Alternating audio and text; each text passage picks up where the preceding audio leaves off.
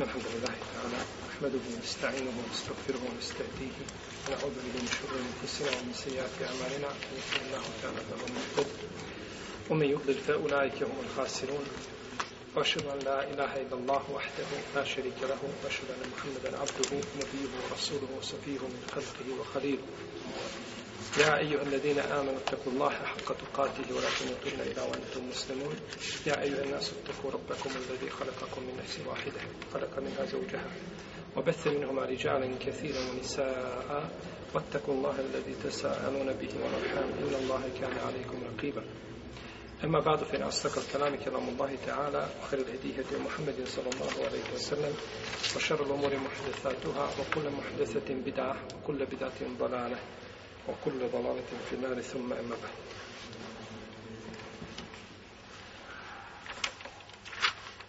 Mi nakon našeg prekida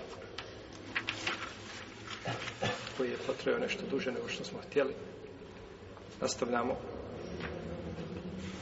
za Allah te barke dala pomoć sa komentarom da će knjige Sahih Ufiq i Sunne I zadnje što smo spominjali bilo je šta? Prava žene. Prava žene. Znači, pogrešno je to što sestre tvrde da mi ne znamo njihova prava. Vidi da smo zapamtili šta smo radili, tako. Zapamtili smo prava žena, tako. Ali prije tih prava ima jedna stvar na koju trebamo obratiti pažnju. A to je da je uzvišen je Allah Tebarak je otala poslao poslanika sallallahu alaihi wasallam onakvim kakvim ga je opisao za vođel oma arsalnake na rahmeta lil alamin a mi te nismo poslali nikako drugačije osim kao milosvjetojima dakle, zajed znači ti Muhammede ne možeš biti sallallahu alaihi wasallam ne možeš biti ništa drugo osim milosvjetojima To je tvoja, kao što je poslanica poslan da promijeni ljudske, da upotpuni ljudske čudi.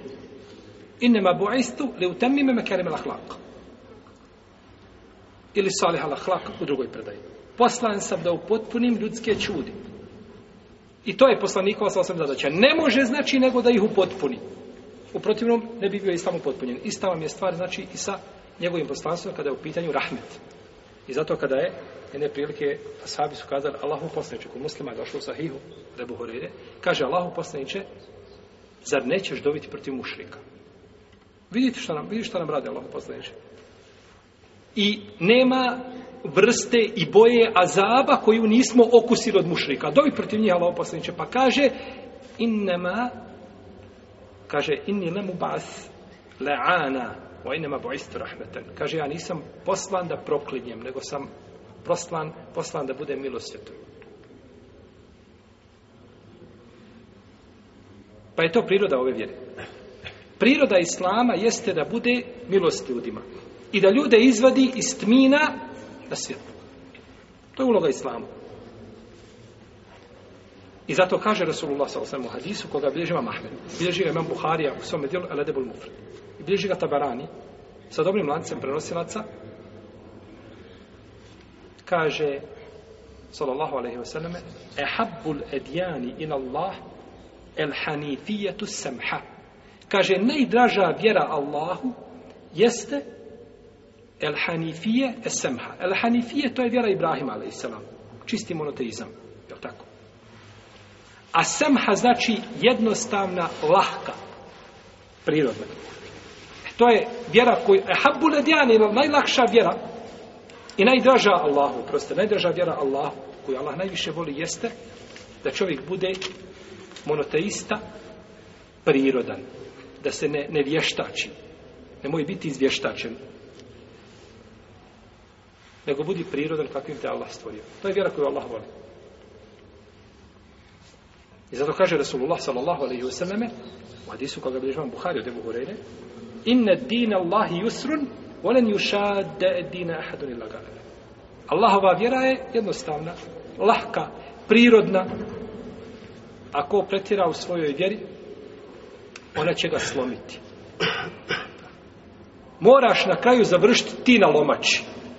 Ti si tjerao sa vjerom, ti si pretjerati, Allahu poslanik sa svojom upozorio šta će biti sa tobom.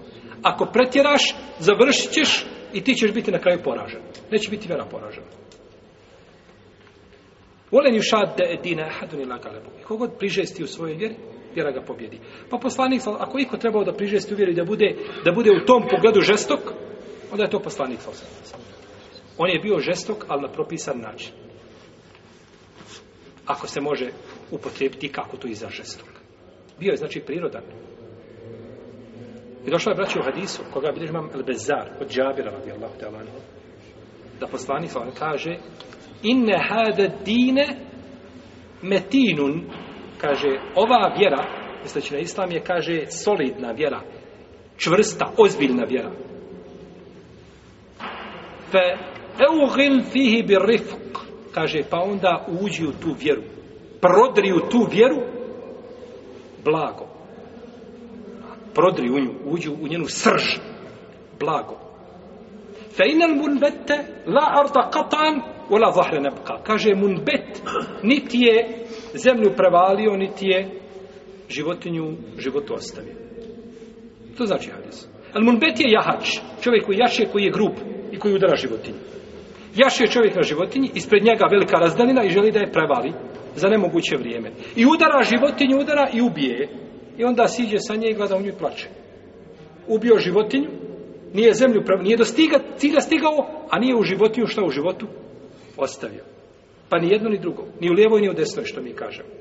Tako došlo u hadisu, bez ovaj hadis je daif, ima slav lanac prenosilaca, ali njegovo značenje je bez sumnje ispravno. Znači, čovjek želi nekad da nadoknedi nešto što ga je prošlo. To se često dešava ljudima, problem se dešava ljudima koji su zakasnili da uđu u islam ili nevjernicima koji nisu bili muslimani, pa kad uđe u islam, on bi da nadoknedi sve ono što je prošlo. To ti ne možeš nadoknedi na takav način možeš nadokrediti nešto šerijatskim putem. Pa čovjek, i ovo je, braćo, ovaj, ovaj smisao je poslanik, sam sam upisao jednom hadisu, koji je hadis koga treba zapisati, u našem vremenu, trebamo ga pisati tečnim zlatom. I da svako ima taj hadis pre svojim očima. Hadis bilježima Mahmedu u svojom usredu sa dobrim lancem prenosilaca, da je poslanik, sam sam rekao, inne li kulli amelin širreten o fetra. Kaže, svako djelo koje čovjek čini ima svoj uspon ima svoj pad. Ha, jasno. Znači, ti kada činiš neko djelo, u početku činjenja tog djela, tvoj žar i tvoj eran, elan i tvoja, znači, a, ovaj, požrtvovanost u tom dijelu biva puno veća nego na kraju. Pa ti je prvi, drugi i treći rekat teravije uvijek lakši nego 19. i 20. Je li tako? I to vam je, braćo, priroda čovjeka. Usponi padovi. To vam je EKG imana. Je li tako? Šta ide? Iman ide i gore i dole. Pada i, i, i, i, i gubi se. Spusta se. To nije sporno. Allah je tebe stvorio, tako ti to ne možeš promijeniti. A, ti to ne možeš promijeniti. Ako je iman u ashaba kiša u gore i dole, mora i kod tebe ići. To nije problem. Ali gdje je problem? Dalje, poslanik govori nam bolesti, govori on lijek. Kaže, inne li kulli an amelin širotero fatra. Svako dijelo ima svoje padove i uspone. Kaže, temen, a nije problem u uspon. Ti kad ideš, kada si ovaj u napretku i tvoj iman ide gore, to nije sporno. Problem biva gdje? Kada iman krene dole, kuda će završiti? Kuda će završiti? Pa kaže poslanik sallallahu alejhi ve sellem: "Femen kanet fetretuhu ila sunnetin fekad ih teda. Omen kenet fetretuhu ila bidatin fekad dal. Kaže, čiji padovi budu prema sunnetu, on je uspio, a čiji padovi budu prema bidatu, on je pogriješio i on je zalutao. A pazite, ovaj hadis moramo dobro razumjeti. Čovjek čini određeno djelo i ide u svome dijelu, u svome imanu ide gore. Ponekad iman krene dole. E kada krene dole je problem, gdje će završiti? Hoćeš se lijepo spustiti na jednu livadu prostranu, punu cvijeća, i zelenu ili ćeš otići strmoglavit se u kakvu provaliju stjenovitu. Gdje ćeš završiti? E to ti poslanik sam hoće kazati. Gdje ćeš završiti? Pa kada padaš, kada iman opada, gledaj opet da opada kuda u pravcu, sunneta. Nemoj raditi ono što poslanik sam nije radio njegovi ashabi. Iman opada i to je prirodno u čovjeka, ali kada ti iman opada, neka ti ne opada na krivu stranu. Neka ti se opet vraća u kalup islama. I onda samo ponovo se digne u krug i tako ona za čovjek kruži između jeli, onoga više i nižeg imana, ali kruži u tom krugu. Nikako da skrene, znači, i to je ono gdje su mnogi ljudi zavljutali. Kad mu pođe iman da opada, kad više nema snage da se bori sa svojom eh, sa svojim nefsom i sa šeitanom, onda mu iman otpada i ode u drugu stranu. Jer subhanallah, Allah mi, Resulullah sallam govori, praći kog da živi u našem vremenu. Samo kaže, pogledajte šta će vam se dešavati iman opada, nemaš snage i ne može kontrolisati i ne možeš znači ovaj stati svome nefsu u kraj i onda čovjek pada i odlazi u dalalet. Kada je poslanik, sal sam upitan, ma Mahmed bi u svojom musledu, da je poslanik, sal sam upitan, o osobi, bila jedna sluškinja koja je stalno klanjala cijelu noću nikada znači nije ovaj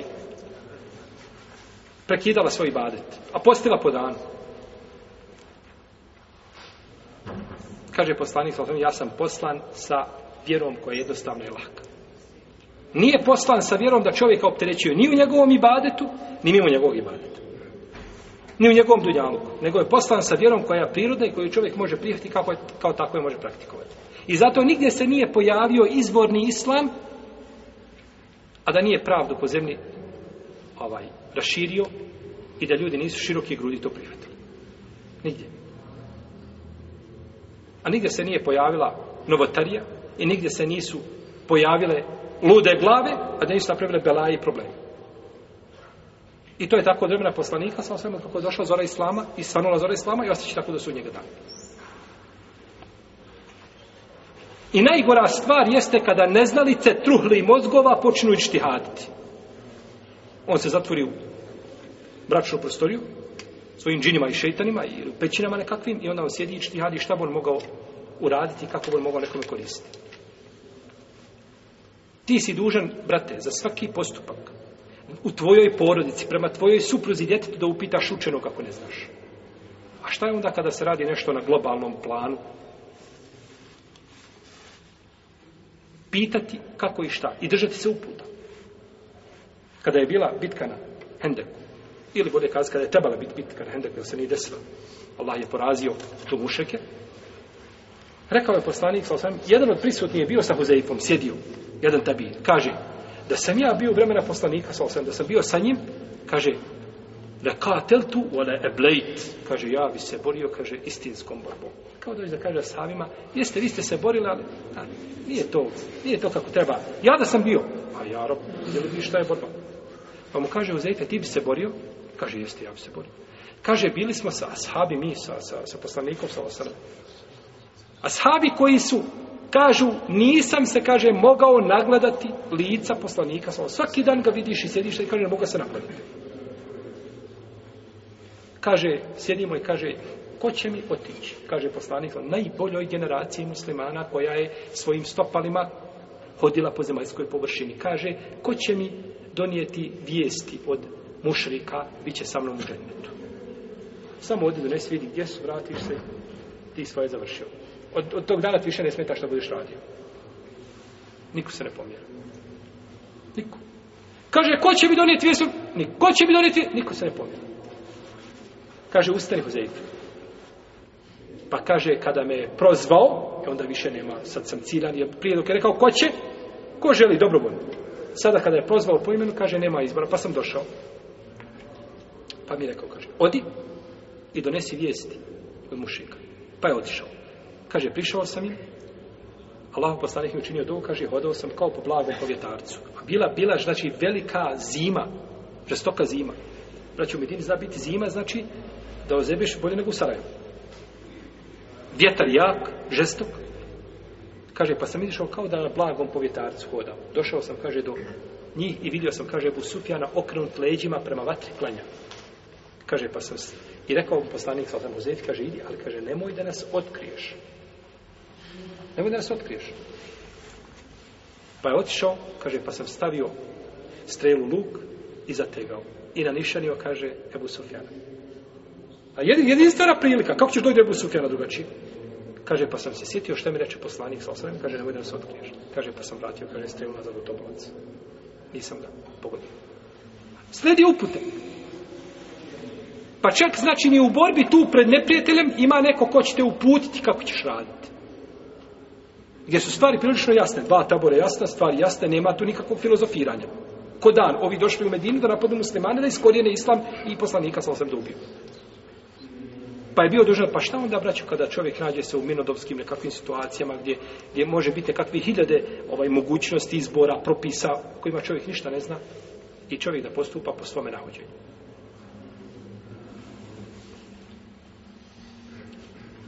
To je zločin prema muslimanima. Ovo što govorimo, mi ne želimo, braćo, da se peremo od onoga što je uradio čovjek ovaj prije koliko mjesec dana ili manje od toga. Mi se ne peremo do toga. Ne želimo da se peremo od onoga što je čovjek uradio i što je došao na ambasadu, pucao i go, od toga se nećemo pratiti. Jer to nije čovjek uradio iz naših redova. On ne pripada nam. Da imaš bradu do zemlje da je vučeš, to je tvoja stvar. Obri bradu, okači na vrat što želiš i id svojim putem. Ne pripadaš nama i neće da se peremo od tebe. Mi bi se prali da to uradi neko iz naših redova, ko sjedi, ko sluša naša predavanja i ko je od naše odabrane braće i uradi takvu glupost, onda se čovjek mora od njega oprati i, i, i oči se takvog, tak, od tog zulma.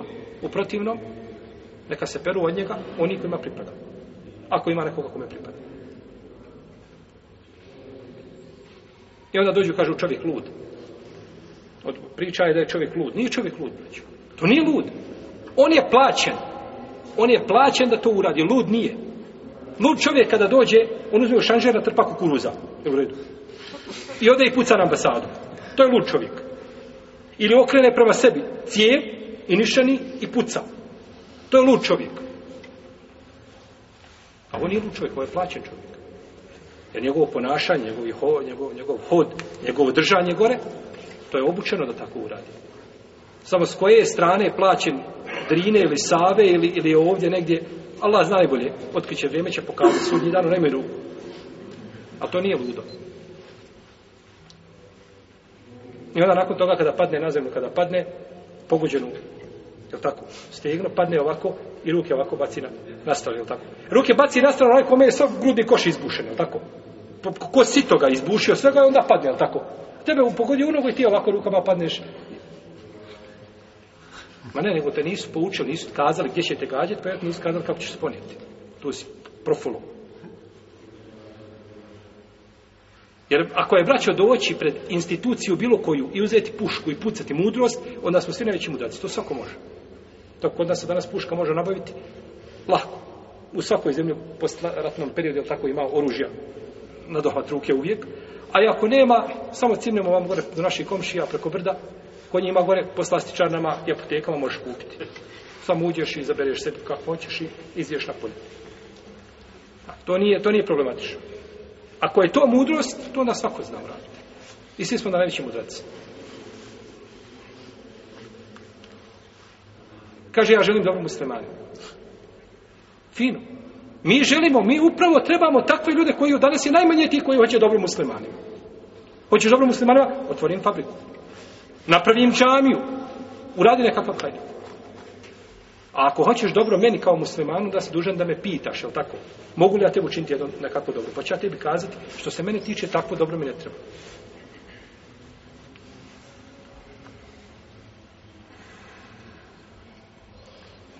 Pa čovjek može u svoje ime raditi što želi. Svako ima pravo da radi u svoje ime što želi, jer ne može u nikoga spriječiti. A u ime muslimana ne svojim radi što želiš, bit ćeš procesuiran, ima znači ko će se brinuti o tebi, ali u ime muslimana nikako. I da neko svoj džehl i svoja truhla razmišljanja kači za muslimane i hefta za nekakvu budućnost muslimana ili za njihovu korist, to je znači absurdno. Stoga je braćo dužnost da čovjek uči svoju vjeru i da zna kako će se ponijeti prema mravu kada ga vidi smiješli mrava ubiti. Imamo propis u šerijetu. Smiješ mrava, smiješ pčelu ubiti. Smiješ li žabu ubiti.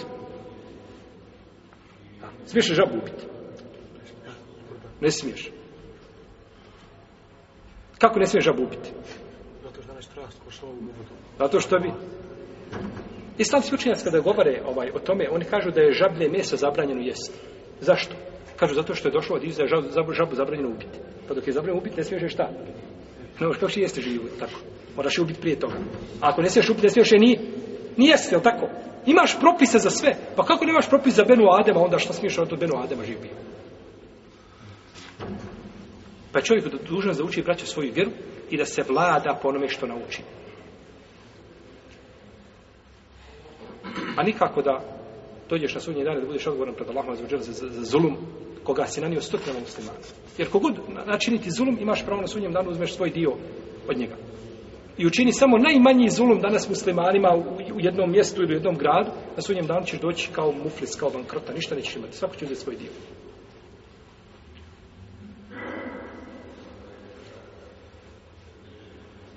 Allah te barak tala uputi na ono čime je zadovoljeno. Ono sačuva zablude, i dalaleta koga su upali danas i pojedinci skupili. Druga stvar, broću, koju sam ti okazati, jeste mi se nalazimo u mjesecu Allahu mjesecu Ređibu. U Muharramu. U Muharramu.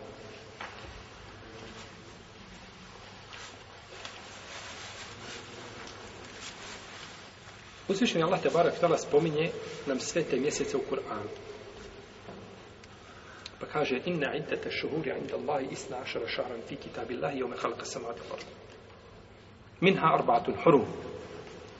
Kaže broj mjeseci kod Allaha je 12 koje stvore nebesa i zemlju od tih 12 su četiri sveta. To su tri koja su jedan iza drugog i jedan koji je odvojen. To su Zulqeda, Zulhidža, Zulmuharram i odvojeni od nje šta? Ređeb. To su četiri sveta mjeseca. I ovaj mjesec u kome se mi nalazimo, on je jedan od tih sveti mjeseci. Čak jedan dio islamskih učenjaka između koji Hasan i Basri i drugi kažu da je El Muharrem najbolji od sveti mjeseci. Neki kažu da je to Hidžet, neki kažu, jel, različite su mišljene po tom pitanju. Pa je poslanik sa osvrame rekao za ovaj mjesec da je najbolji, znači, post nakon namazanskog postu mjesecu šta?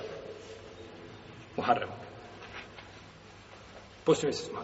Ali je poslanik sa osvrame puno postio u kom mjesecu? U Šaban. Šaban. Postio bi ga cijelog osim par dana. A kaže da je najbolji post gdje? U Muharramu. Pa onda islamski učenjaci ovdje postavili jednu nejasnoću, kažu kako kaže poslanik sam da je najbolje da se posti u Muharremu, a nema ni jednog hadisa da je poslanik sam postio u Muharremu osim dana Šure. Jer je došlo da je poslanik, došlo je u vjerodostojnoj predaji od Ibn Abbas da je poslanik sa osam kaže nisam vidio da jedan dan više ciljano gleda da ga postio dana Šure. A Muharrem nije drugi, nije došlo da je postio, a pohvalio ga je. Pa islamski učenjaci imaju na ovo dva odgovora. Prvo, kažu, ili je saznao poslanik sa pod kraj života vrijednost Muharrema, pa nije imao šta prilike da to posti, ili je bio zauzet u Muharremu često sa putovanjima i obavezama, pa da nije mogao postiti. Nije se optrećao. U protivnom, nama je dovoljno ono što je rekao poslanik sa da je, da je tu najbolji, znači, da je tu najbolji, a kaže najbolji namaz poslije, najbolji namaz poslije, a, propisanog je noći namaz. Pa je ovo odlika znači mjesec Muharram. Da je najbolji post u mjesecu Muharram. A post, praći, ima post kao i badet, ima posebnu svoju odliku. Jedan od sahaba je upitao poslanika, sa osvijem, kaže, Allah u posljednicu savjetuj me. Kaže, posti, kaže, nema ništa slično postu. Posto ti i badet, kakvom ne imamo slično.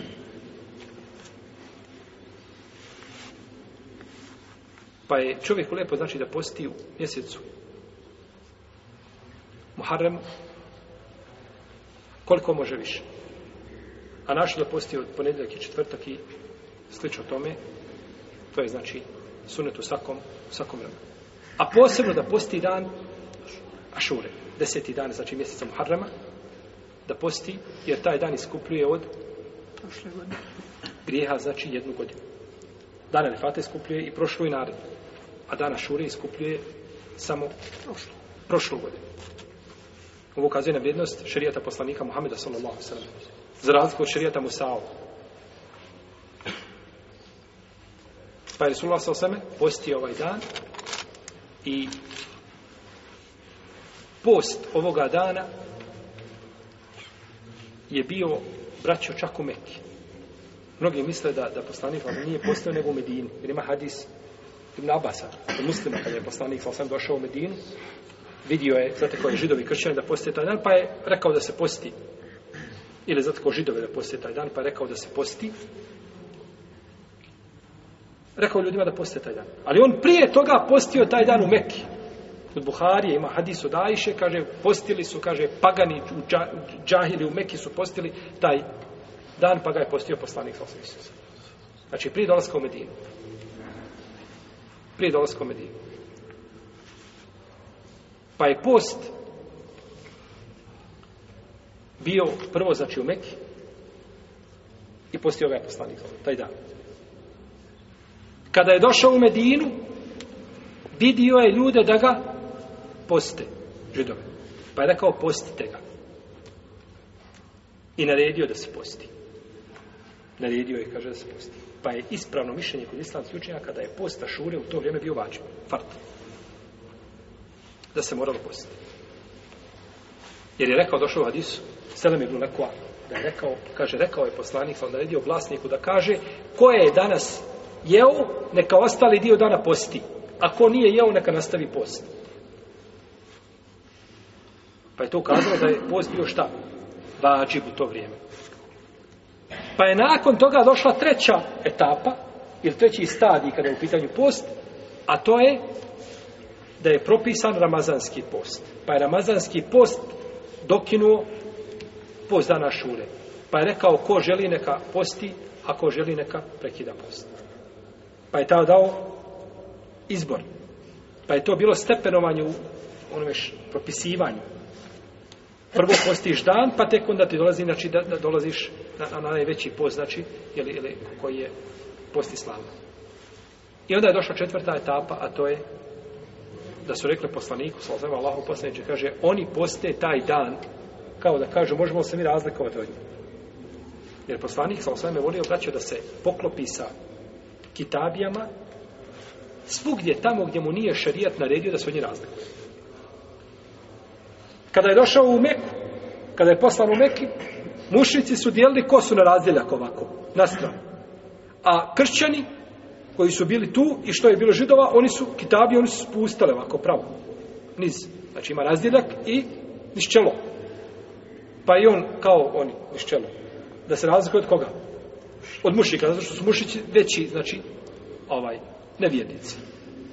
Kada je očistio arapsko poluostrovo od, od, od mušika, onda je razdijelio. Sad se razlikuje od koga? Od kršćana i židova. Pa se razlikova, znači, od njima, tamo gdje nije, mi bilo zabranjeno. Pa skazala Allah postanče, oni postajte, zašto da mi postimo? Pa rekao, kaže, naredne godine, ako Allah da, postićemo i deveti dan. Pa kaže, Ibn Abbas nije poslanik, sa sve postio, nije dočekao naredne godine. A došlo je u hadisu, vjerodosno je kod Abdurazaka i kod Tahavi i kod drugih od Ibn Abasa, nije, nije hadis, nego riječ Ibn Abasa, da rekao, postite, kaže, i deveti dan i razlikujte se od razlikujte se od mušrika. pa je post, znači, dana Ašure, ovaj, velika blagodat. I mi se često pitamo kako da mi stignemo ljude koji su bili prije nas i živjeli i pretekli nas sa dobrim dijelima. Kako da dođemo do njihovi deređa? Imali su duži život, a život vjernik, kako kaže poslanik, sam ne donosi nego dobro. Imali su, znači, mogućnost da puno više rade i da, je tako, kažemo, imaju, imamo dana šure, imamo dana refata, imamo džumu. Imamo salavate na poslanika, sallallahu alaihi wa sallam. Imamo noći namaz. Imamo mogućnosti o kojima oni mogu samo maštati. Mogućnost o kojima priješnji narodi mogu samo maštati. I da njih stignemo i da ih prestignemo. Sa lahkoćom. Znači, lijepo je da čovjek posti deveti, znači i to će biti, ali, osmi, od deveti nedjelja, je li, ponedjeljak deset, je tako? Se posti da dva dana. Neka olema kaže da je lijepo da se posti dan poslije, se posti 11. Muharram. Oko posta 11. dana Muharrama posti razilaženje. Imamo hadis kod imama Al-Behiqija i kod Ibn Huzeime i drugi da je poslanik sa rekao, kaže postite dan prije i dan poslije, razlikujte se od židova. Ali taj hadis nije potvrđen. On je slab, ima slab lanac prenosa, čak ima nekoliko mahana u svome lanac prenosa. Tako da je ispravno da post 11. dana nema utemeljenja u sunnetu. A dana šure se može postiti na četiri načina. Možemo postiti dan prije i ašur. To je jedan način. Drugi način je da postimo dan prije, ašuru i dan poslije. Treći način je da postimo dana šure i dan poslije i četvrti način je da postimo samo dana šure. To su četiri načina kako čovjek može postiti. Znači, vezano. Najispravniji način je prvi koji smo spomenuli, to je da posti deveti i deseti dan. Znači, ta su i ašuru da posti ta dva dana od mjeseca Muharrama. Što se tiče posta poslije jedan dan, to je došlo u Daif hadisu. I taj hadis je oprečan hadisu kome se spominje post šta? dana prije. U redu. On spominje šta post dan kasnije, prije i kasnije, a vjerodostojen hadis kod muslima spominje samo šta post prije. Je li to oprečan onda onome hadisu prvom? Je li mu oprečan? Nije mu oprečan. Nije to oprečnost. To je dodatak jedan koji je došao. Jer da je rekao ovaj hadis, nemojte posti dan deveti, onda je bilo oprečno. A sad nije oprečno. Neko je došao dodatak, a taj dodatak ne može se prihvat zato što je hadis šta? Daiv. A po ispravom mišljenju podaje se hadisu ne radi. Ni u fadailu le amal, ni u bilo čemu drugom. Imamo vjerodostojni hadisa i sve što imamo vjerodostojno, to nam je dovoljno, ne treba ništa mimo toga. A post dana, i neka ulema braćo kaže, ima Mahmed kaže, i, i šafijski učiljac, ja vam nevoj to spominjali, među muva isto to spominje isto tako Ibn Kudame, da čovjek će postiti sve tri dana ako se boji da nije ustanovljen mlađak kako treba a da je bilo tu nekakvi propusta, nije ustavljeno mjesec, pa onda da ne bi propustao dana šure, posti šta? Posti sve tri dana. Treći način posta, to je da posti dana šure i dan kasnije. To može čovjek rad koji nije postio da su, nije postio deveti dan, postio je samo, šta? A šuru? Pa kaže, dodat će jedan dan nakon toga da ima ipak nekakva razlika da njegovog posta i posta šta? I četvrti način posta jeste da se posti, znači, samo dan ašure. I tu postoji razdrženje među lemom, je to mekruh? Kod hanetijski učinjaka to je mekruh. Hanetije kažu, to je, hanbelije kažu nije mekruh. Ibn Tejm je odobro mišljenje da nije mekruh. Da nije mekruh, samo šta posti, šta? Ašuru, znači, ponaosob zasebno, kao dan, znači ne dodajujući ni dan prije, ni dan poslije. Hanefijski učenjac kažu da je mekruh i vallahu alem da hanefijski učenjac da su ovdje bliži argumentu. Jer kada je to spomenuto poslaniku, sal sal kaže, ne, naredni put ćemo, naredni godin ćemo dodati uz to još šta.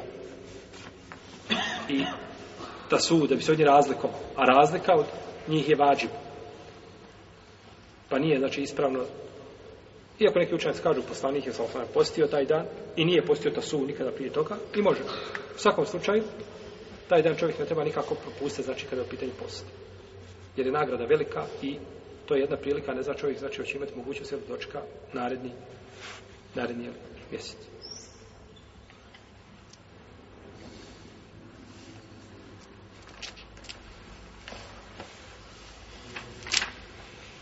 Mi smo dakle govorili u našem zadnjem predavanju o pravima supruge kod supruga.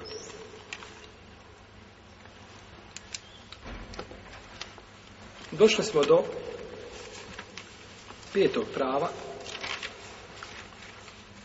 da je čovjek dužan da se lijepo obhodi prema svoje supruzi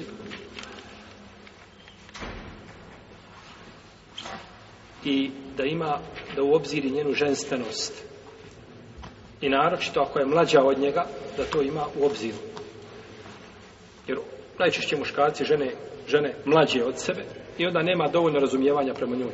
Oženi se sa 22, 3, 4 godine, oženi ženu 16 godina, 15, 16 ili 17 godina, koja bi se još uvijek igrala sa lutkama, i onda nema dovoljno razumijevanja prema tome. I onda nastaju problemi u braku. Pa je u tome poslanik sa osrame pogledu najbolji uzor, znači muškarcima. Najbolji uzor je Rasulullah sallallahu alaihi wa sallam. Kaže Aisha radijallahu ta'ala anha, dolaze su habešije da se igraju u džami, ne da se igraju, nego da, da vježbaju sa sabljama, jeli, ovaj, ratne te vještine, sliče o tome, kaže, pa sam došla, stavim svoju bradu, kaže, na njegovu rame, i gledam. I gledam. Pa on kaže, ti dosta? Kaže, polako, lako, pa sam može urt. Sačka, ja bi još gledala. Kaže, pa ne bi nikad on prvi otišao, nego bi, kaže, bila ja prva koja bi odustala ne bi se on smakao. Kao što poslanik sam kada se nekim rukovao, ne bi nikada on prvi pustio ruku. Nego znači pusti ruku, ona druga osoba. Tako je poslanik sa osam znači postupao sa Ajšom radi Allah dala. Kaže, pa zamislite, kaže, kakvo je mjesto imala jedna mala djevojčica kod poslanika sa osam u to vrijeme, kaže, gledajući dok se drugi igraju i zabavljaju. Isto tako, poslanik je sa osam traži od nje da se utrkiva. Na putu je bio, rekao sahabima, jedne prilike kako došlo kod Ahmeda u Busnedu, kaže, idite vi. A on je ostao, znači, nakon toga pa se utrkivao sa njom, pa je, pa ga je pobjedila.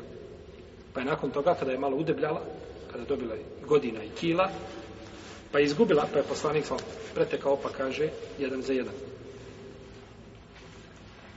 I kaže Ajša radi Allah, da lana dolazile su, kaže, djevojčice da se igraju kod mene, pa kada bi vidjela poslanika, sa osvrame, kaže, posakrivale bi se. Znači, stida prema njemu. Kaže, pa bi on došao, izao jednu po jednu i vratio i kaže da se nazad, da se igram. Pa čovjek, znači, ima, mora uzeti u obzir, znači, to kada je u pitanju supruga, šta misli ona kada je dijete? Dijete ima svoju potrebu da se igra. Ono se mora igrati. Znači, to, znači, taj segment se ne može izbaciti njegovog života. Pa je takav, znači, slučaj isto i kod žena koje su mlađe. Isto tako je poslanik sa svemu od, od prava žene ko supruga jeste da ponekad joj da vrijeme da sa njom razgovara. Često se sestre žale da problemi u braku, zašto kažu ne da mi vremena, ne razgovara sa mnom. Priroda žene se razlikuje od prirode muškarca. Ti možda možeš biti dva mjeseca, ni s kim ne pričaš. Imaš svoje radno mjesto, vraćaš se kući, dođeš kući, tvoje obaveze. Ni s kim nemaš, kakve potrebe da sa nekim razgovaraš. To kod žene nije tako. Kod žene nije tako. Ona ima, znači, potrebu i ti, ti si dužan, to je njena potreba. Ako je uskratiš dio, nemoj uskratiti sve. Ako već moraš uskratiti dio zbog svoje obaveza, nemoj uskratiti njeno pravo u potpunosti. Jer ona ima pravo, znači, na to. Pa je poslanik sa osvrme sjedio, znači, sa Ajšom i slušao priču, kako ona spomnio njemu a, pa kako mu je spominjala, žene koje su sastale a, u hadisu u Muzera, koji je kod Buhari u Sahihu, to je poduži jedan hadis, spominje kakvi su muškarci bili. Pa pročitaj taj hadis koji ima, znači, Buhari u, svome, u svojoj kući, u novu. To vam je u trećem tomu, 1066. strani broj hadisa je 5189. To je podružen hadis, nećemo ga ovaj spominjati svega, možete ga vi u prevodu vidjeti, znači u Buhari, kako se sastale se žene, pa spominjalo svoje supruge. Svaka govori, znači, kakav joj je suprug i ovaj, i kakve su njegove jeli, osobine. Ovdje autor spomenuo celost taj hadis, ali on je, on je podruži hadisa, vi to možete provjeriti, znači da, da se ne, ne zadržavamo kod njega. Znači, više od toga. Isto tako od obaveza supruga prema ženi jeste da, da je pouči vjer. Znači da je pouči vjer. Dužan je da se prema njoj lijepo obhodi i to je stvar jasna. I to se pravo često traži. Ali pravo da suprug pouči ženu, to se ne traži. Ili se rijetko traži. Da je on pouči ili da joj omogući da se pouči. Da uči. A nikako, zatvoriš ženu u četiri zida, a ne, ne, ne, ne pocenjujući, znači ženino je da bude tu, to je kuća je njen, najbolji hijab. Ali ju moraš omogućiti da uči, jer ko će ti odgajati djecu? Neuk ne može odgojiti djecu. Kaže, djeca su mi neodgojena. A šta si ti uradio da ti bude odgojena? Da ti djeca bila odgojena, moraš prvo odgojiti svoju supru. Znači moraš joj daći mogućnost da nauči. Kako će žena ispuniti svoje dužnosti prema teba, ne zna, ne zna a, kakve su dužnosti. Ili je to čula od tebe? Možda si ti to skrojio sebi ovaj. Tako i osmislio na njoj, to je plasiraš, kaže žena, ovo ti je dužnost. Ona nije uvjeđena da je to dužnost. A da je čula da je to hadis i da je to tako omer, taže je Bekri, Osmani, Ali i drugi ashabi, da je to praksa bila muslimana kroz generacije, kad je stoje, to je tako islam, to ja moram raditi. Pa je dužnost, znači čovjeka da pouči svoju suprugu i da joj, jer bit će čovjek pitan. Ja, ejuhal ladina amenu, ku enfusekum wa ehlikum nara وقودها الناس والحجارة čuvajte sebe, o vjernici, čuvajte sebe i porodice svoje, vatre džehennemske, čije će ljudi gorivo, čije će gorivo ljudi i kamenje biti. Sebe i svoje porodice. Pa je čovjek odgovoran za svoje porodice, on je pastir, on je pastir u svojoj porodice, bit će pritan, znači, za svoju porodicu. Jedne je večeri poslanik, sam sam ustao i kaže, neka je slavljen Allah, koliko se je ove večeri fitne taj nere da spustilo na zemlju. I kaže, koliko je samo riznica otvoreno, probudite, kaže, sawahibul huđa. Probudite, eqidu eh, sawahibul huđa. Probudite žene po sobama, misleći na svoje žene. Kaže da, jel da klanjaju, jer kaže, možda je žena koja na ome svijetu oblači prozirnu odjeću ili usku ili tijesnu, bit će gola na sudnjem dan. Vrubek ja sjedim fit dunja arijetom fil ahiretu. Znači može biti pokrivena na dunjalu, otkrivena šta? Na ahiretu. Jer ona je pokrivena samo u jezičkom smislu, a nije u širijetskom. I kaže poslanik, sallallahu alaihi vseleme, o hadisu koga bližima Mahmed sa dobrim lancem prenosilaca, Allah se smilovao čovjeku koji najveće ustane da klanja po noći i probudi svoju ženu, pa ona mu se ne odazove, odbije, pa je malo popršće vodom po licu. A isto tako i žena koja ustane da klanja noći namaz, pa ne probudi supruga, malo ga popršće vodom po licu da ustaje da klanja a ona najbolje zna svoga supruga tako znači nije ispravno praktikovanje suneta ako znaš to naprijed belaje ako znaš znači da ćeš ovaj možda ta posuda koja ti je voda u njoj da će na glavi završiti onda bolje ostavi ga kako jeste Jel tako? Jel imate ljudi kojima najbolje da spavaju. Kad spavaju, onda je, oni su najbolji.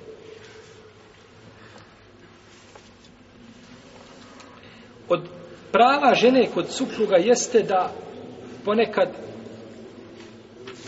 a, zanemari njene greške. Da obori pogled kad su pitanje njene greške. Od ružnog braća hlaka jeste da čovjek uđe u kuću i samo gleda i kopka. Šta će vidjeti? ja rab, ima išta da iskopam, da nešto nije u redu. A nema, kad kreneš od kuhinje do, do, do, do, do tamo negdje, do, do, do, podruma nešto ćeš naći, sigurno. Nešto mora biti da nije na mjestu. To su najgori ljudi. Šabam Šafija kaže, najbolji vjernik je el fatin el mutegafir. Čovjek koji je pametan, razuman, sve skuži, a pravi se, što mi kažemo, ludom. Ušao su u kuću, ti vidiš da nešto nije u redu. Svako to primijeti, znači da, da sa satelita ozga to vidio.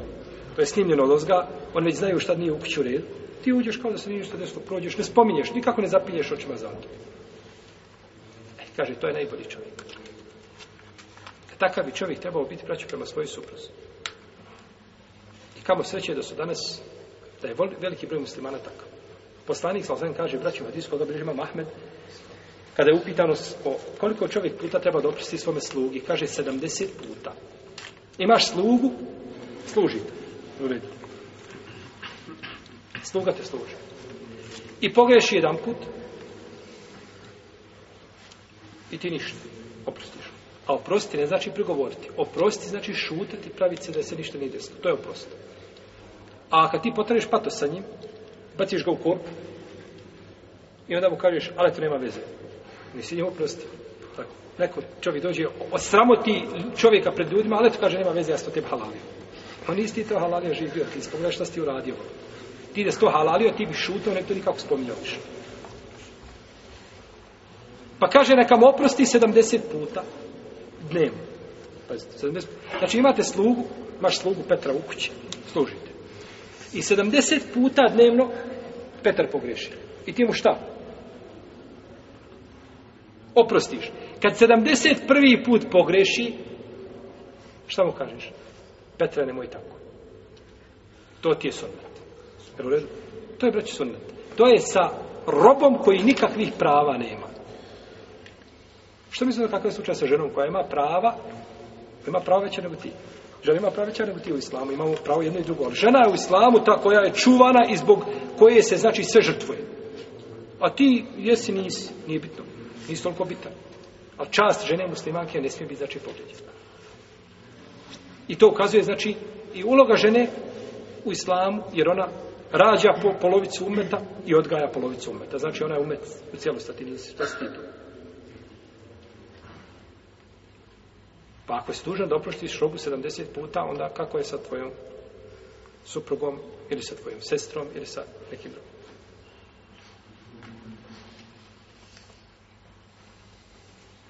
Pogledaj, braći, kako je islam lijep na riječima. Hadisi, svega ima, ma svega, biraj šta hoćeš. A kad dođe da to čovjek prati u svome životu, to je teže prenijeti neko za određene ljude nego brdo smjesta, nego bjelašnicu mu prenijeti, prenijeti do mjesta drugog. To treba primijeti. To je islam. Islam od nas hoće praksu, praktično. Ako si čuo večeras da 70 puta trebaš oprosti robu, odmah večeras mijenjaš svoj život. Odmah onu crnu stancijsku pokidaš, ma jedna bijela i napišeš idemo iz početka, sada se ovako čovjek ponaša. Protivnom, slušaš i ništa ne primjenjuješ i na sudnjem dan dođeš, ne možeš kada stala, nisam znao, znao si, ali nisi tio. I to je vid oholost. Da saznaš propis i nešto ga praktikuješ. Aj, može čovjek doći propis dva, tri, da, ali da, da, da većina propisa dolazi kako dolazi, tako prolazi, to je nespravo. Kaže poslanik sa osveme, neka vjernik ne prezire vjernicu, zbog postupka koju vidi pre njoj, zbog kuluka, jedne osobine njene. Kaže, ako vidi nešto što mrzi pri njoj, vidit će drugi hrpu stvari što voli, je tako? Hanumat ima jedno, dvije, tri mahane. Možda imaš više od nje, tako? Ali kada pogledaš dobre stvari, vidiš da ima dobri strana, da je puno više nego čega? Nego loši. I pored toga, čovjek zbog tih ovaj, a, protivnom, tražiš sebi huriku na, na dunjalu, gdje nema. Nisi još počeo dole stvarno dobro. Jeste. Da ne uznemirava svoju ženu fizički, fizičkim nasrtama, udaranjem. Kaže poslanik, svala sveme, i neka ne udara po licu i neka ne skrnavi čast lica. pa je udaranje po licu zabranjeno. Hm? Mimo toga što će to koštiti, je tako? Kod stomatologa da staviš one priteze iznova i tako dalje. To je drugo. Govorimo o čemu? O zabrani udaranja. To je šerijetski zabranjeno. Ha. Šerijetski ti je zabranjeno da udaraš, znači, suprugu po licu. Poslanik je sa osvijem vidio magarca koji je žigosan na licu. Kaže, ko je ovo uradio? Zar niste čuli? Zar ne znate da sam prokleo onoga ko žigosuje ili udara životinju po licu? Magare, ne smiješ udarit po licu. Allah te poslanik samo prokleo. Šta misliš? Thank you.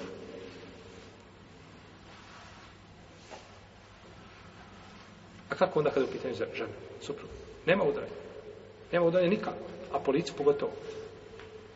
To je paganski način rješavanja problema i ovaj osvete. Kaže poslanik sa osvijem, neka niko od vas ne udara svoju ženu kao što se udara rob, potom dođe na kraj dana i ima potrebu. Ujutro je najveći neprijatelj, a popodne je šta? ima nekakvu, jedna već ima nekakvu potrebu.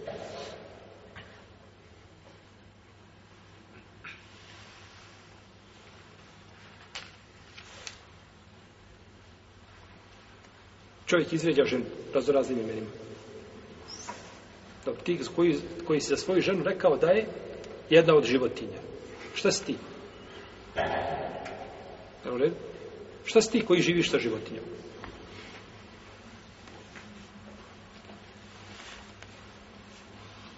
Kaže Ajša radijallahu ta'ala, nije poslanik sa osam nikada ništa udario svojom rukom. Osim kada bio u džihadu. Nikoga, ni sluge, ni ro, nikoga nikada nije svojom rukom udario. Osim kada dođe borba na lahom putu ili kada dođe džihad, to je druga stvar. Protivno, kaže, nije nikada udario ništa svojom rukom. Iako uzvišen je Allah spomenuo udaranje, znači žena u Kur'anu. Pa kaže, volati te hafune nušuzehune fe'idvuhun. وحجرهن في المضاجع واضربهن فإن طانكم فلا تبو عليهم السبيل إن الله كان عليا كبير a one čiji se nepokornosti bojite spomnio uzvišen Allah tabarak tala kako će se odgojiti pa kaže savjetujte pa ako ne poslušaju, odvojite sa njima u postelj i nakon toga ih udarite i ovo udaranje braćo mora biti nakon udarac žene, znači koji je dozvoljen šarijetski, mora biti na pravilu. To nije haj samo jela. Nego imaš pravila, a to je prvo da bude nakon savjeta i odvajanja u postelju. Ne može odmah ići na treći stepen. Moraju se prvo ispuniti ova dva. A što ime nekako stepenovanje u osudi, u prevaspitavanju. A nije znači tek tako da prva metoda bude ovaj udarac.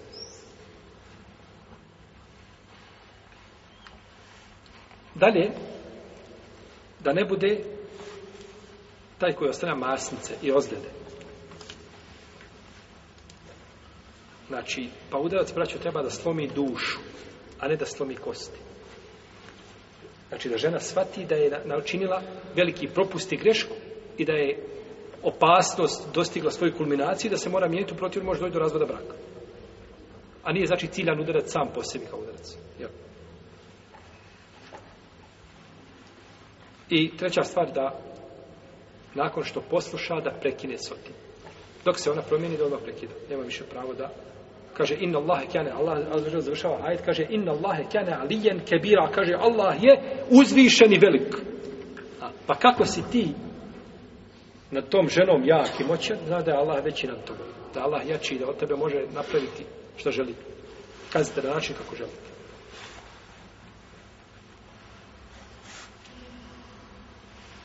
Kada je poslanik, ali sam prolazio pred njega sahaba koji udarao roba, kaže, stao, kaže, zaj, kaže da Allah moćni nad tobom nego ti nad Pa je odmah prestao.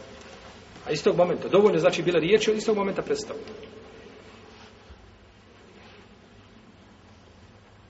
I udarac treba biti znači blag, neka ulema to tefsira, treba biti misvak, uzmeš misvak, pa je malo misvakom, ako im duži po ramenu, malo je udariš, tako dalje. Prije da će se nasmijati od tog udaca, nego što će zaplakati. To je udarac koji je dozvoljen. Oko koga ljudi dižu pa, brku i viku i kako to u islamu, tako je dozvoljeno. Nije dozvoljeno, to nije udarac, nije došao kamo sam po sebi, nego cilj da se sačuva brak.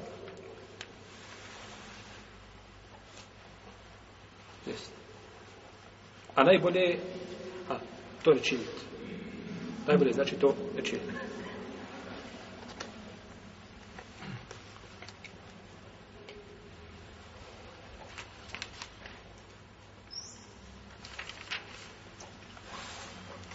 Dalje, ako izbjegava je da izbjegava samo u kući. Kaže poslanik sa neka ne udara je po licu i neka je ne skrnavi čast lica i neka izbjegava samo u kući. Znači onaj hedžer kad ima, on biva samo u kući, ne na polju, ne na ulici. Na seduciju sam trekao da neću pričati s tobom, biš mi s očiju. Nego znači u kući, problem je u kući u zidovima, ne treba znati ni tvoj babo, ni tvoja, znači ni, ni njen sveka, ni svekrva, ni tvoj punica, ni punica, ni puna, niko ne treba to da zna, to je među vama problem, ni djeca to ne trebaju znati. To je znači problem među supružnicima, ne treba to da zna znači okoliš. Jer problem kada iziđe van kuće, on se teško rješava. I zato je žena nakon, a ide ta propisano da bori u kuću svoga supruga. I on je vrati, dok je sa strašću zagrli, vraćeno mu je gotovo. A niko ne zna. A da iziđe to van kuće, eto, bela je problema i onda, ovaj, dok ima tu treći faktor, problem se teže rješava.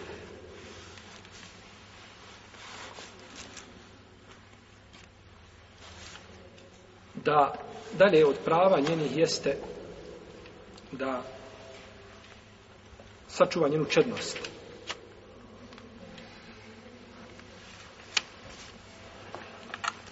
Ovdje autor kaže da je Osmar Ibn Mazlomun, da je poslanik sa osam rekao njemu, kaže inne lijehlike alejke hakan, kaže tvoja porodca ko se ima pravo. Ispravno da ovo nije od Osmana Ibn Mazlomuna, u nevinu ja nisam mogao naći predaj od Osmana Ibn Mazlomuna, da je to njemu rekao, jeli, poznatoga sahaba, koji kada je preselio poslanik, ili sam plakao i stavio njemu kamen veliki iznad glave, iznad mezana. To je poznato da je to da Blah ibn Amra Nas, kada pa se oženio, pa nije, znači, ništa, on se oženio i nije prilazio svoju suprez nikako, nego samo klanjao u proći cijelo večer i postio cijeli dan. Pa kad je seo Amr ibn Nas, svoju Snahu pita je kako je moj sin, kakav ti je suprug. Kaže, dobar je on čovjek svome gospodaru i dobar je rob svome gospodaru. A kaže, što se tiče mene, lemju fetiš kenefa. Kaže, moju postelju nije prevrtao. To je simbolično ukazuje, on ne spava kod mene, on ima tamo nekakav kutak gdje spava i to je njegov, njegov, njegov ibade gdje čini. Pa je poslanik osudio i kaže, inne li jehlike, inne li jehlike, alejke haka, kaže, tvoja žena ima ko sebe pravo, znači da sačuvaš njenu čednost. Pa žena ima znači pravo kod supruga i ispravno je mišljenje kod islamske učenja kada je čovjek dužan da ima odnos sa svojim suprugom. Sve druga mišljenja koja su mimo toga nisu jaka. Šeho sam im temio odabro to mišljenje da je dužan čovjek da ima odnos sa svojim suprugom, da je sačuva ne morala kao što ona dužna prema njemu da ispuni svoja, svoje obaveze.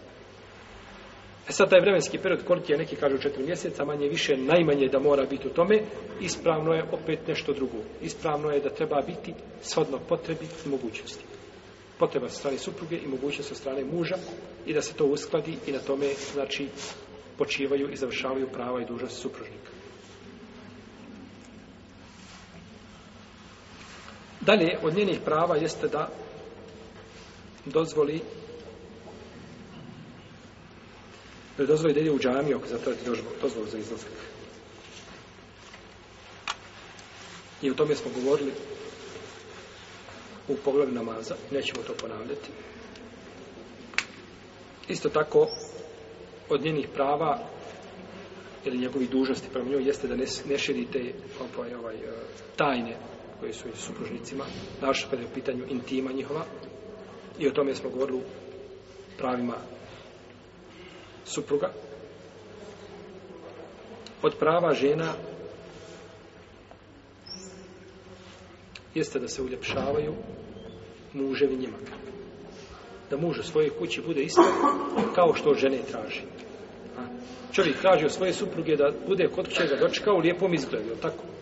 lijep, pohvala, to je šerijetski a ti dolaziš sa bauštele cijeli dan radio na let, preznojio se 30 puta I onda ulaziš u kuću i samo sjedneš onako kao ti trebaš sebi napraviti hodnik s vrata kućni ukupatilo. Istuširaš se lijepo, namirišeš se i onda iziđeš među svoju porucu. A ne samo mirišeš se, koješ napolje kad pođeš na džumuji, a u svojoj se kući ovaj ne, Ibn Abbas kaže, ja se uljepšavam svojoj ženi kao što se ona uljepšava mene. Pa supruženici trebaju da vide jedno od drugog, samo lijep prizor, a nikako da se vide u ružnom, znači nekako objeli. Halo.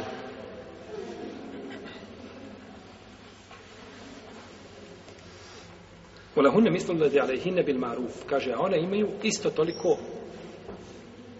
prava koliko i dužnosti po običaju. Pa ona ima dužnost, ali ima i prava. Pa kako ti ne voliš da vidiš svoje suprugu u halu, radni kombinezon ili tako sa onom, onom u ruci, onaj, sjekiran tako ni ona tebe ne voli da vidi znači u ružom halu. Nego treba čovjek da ima isto tako ono što, što ne bi volio sam sebi, nemoj niti činiti drugima. Od prava njenih jeste da čovjek ima lijepo mišljenje u ženi. Leula iz semijetu muhu zanel mu'minune ul mu'minatu bi enfusihim hajran. Kaže, a zašto niste kada ste to čuli imali lijepo mišljenje? Zašto vjernici niste imali lijepo mišljenje o sebi? Ajde, kaže o sebi. Ma nije o sebi, nego o Ajši, rabi Allah, talana. Ali ona je majka vjernika i ona je muslimanka, pa ako imaš lijepo mišljenje o muslimanci, onda imaš lijepo mišljenje sam o sebi. Pa je čovjek dužan da ima lijepo mišljenje o svojoj supruzi. Kaže uzvišenje Allah te barak tala, ja i hrde dina amin učtribu kestine mina van, inne ba'da vanni ismun. A klonite se mnogi sumničenja, jer su, kaže, mnoga sumničenja grije. I braćo čovjek ako upadne u sumnju, kada je u pitanju supruga, ako pođe, ako, ako, ako šeitar uspije mu ta vrata otvrti, on je sebi dženazu planjao za života. Može li neko? A većina je vas ovdje oženjena. Može li od nas neko garantovati da je dijete koje ima kući 100% njegovo, 1000% njegovo? ima. Može neko kazati, ne, hiljadu posto garantujem i nema nikakve mogućnosti da moja supruga učinila nemoralno. Može to? Pa ne može niko. Pa ko to može garantovati? Ko može garantovati da je njegova sub nije nikako, jesi ti bio pre svoje supruge uvijek, cijelo, nikada se nisu odvojio od nje sekunde, minute?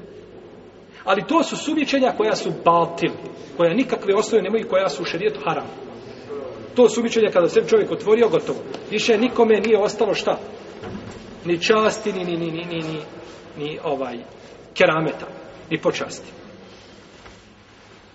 To su sumnje, znači, koje se, koje nemaju mjesto u islamu. Žena dok je čedna, poštena, tu je se završava sve. Može se potvrditi njena ovaj, suprotno tome se može potvrditi onim što šarija traži, uprotivno, ne može. I završeno.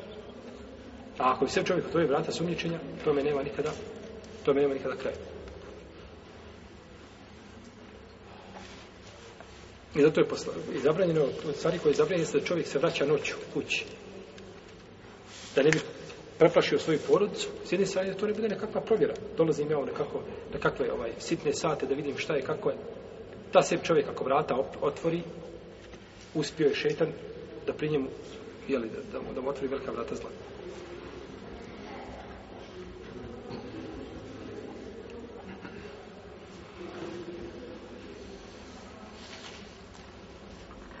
kada je poslanik e, Ebu Bekra ušao kod svoje supruge Esma bint Umejs našao je kod nje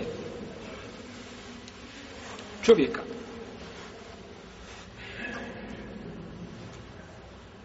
pa je došao poslaniku kaže Allah posljednje našao sam tako čovjeka a kada nisam vidio nego dobro pa je poslanik rekao kaže nju je Allah očistio toga kao što je poslanik sam našao kod Ajše čovjeka tako Šta je to? Kaže, to je moja amiđa kom lijeku ili hoće da iđe po mlijeku. Po mlijeku. Ne znaš šta je osoba, ne znaš kako je. Znaš, stvari moraju biti provjerene. Nikako na osnovu samo viđenja. Vidio se čovjeka ide sa ženom, sjedi sa njom i odmah na osnovu toga se sva priča. Možda mu je tetka. Da tako. Možda mu je sestra po mlijeku. Možda je, možda je, možda je hiljada nekakvih razloga i možda ima ovaj mogućnosti. Pa treba čovjek znači da ne žuri ovaj sa osudom dok se ne potvrdi. Pa je onda poslanik, sam rekao, kaže, neka ne ulazi čovjek kod žene sam ako sa njim nije još jedan od dvojice. Pa da dvojica uđu kod žene u kuću, dvojica ljudi ne smeta. Ili trojica ili više.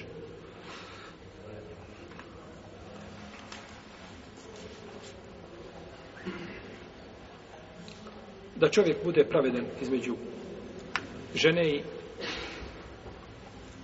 i njenih inoća. I o tome ćemo govoriti u narednom predavanju, jer naravno predavanje vežano za više ženstva.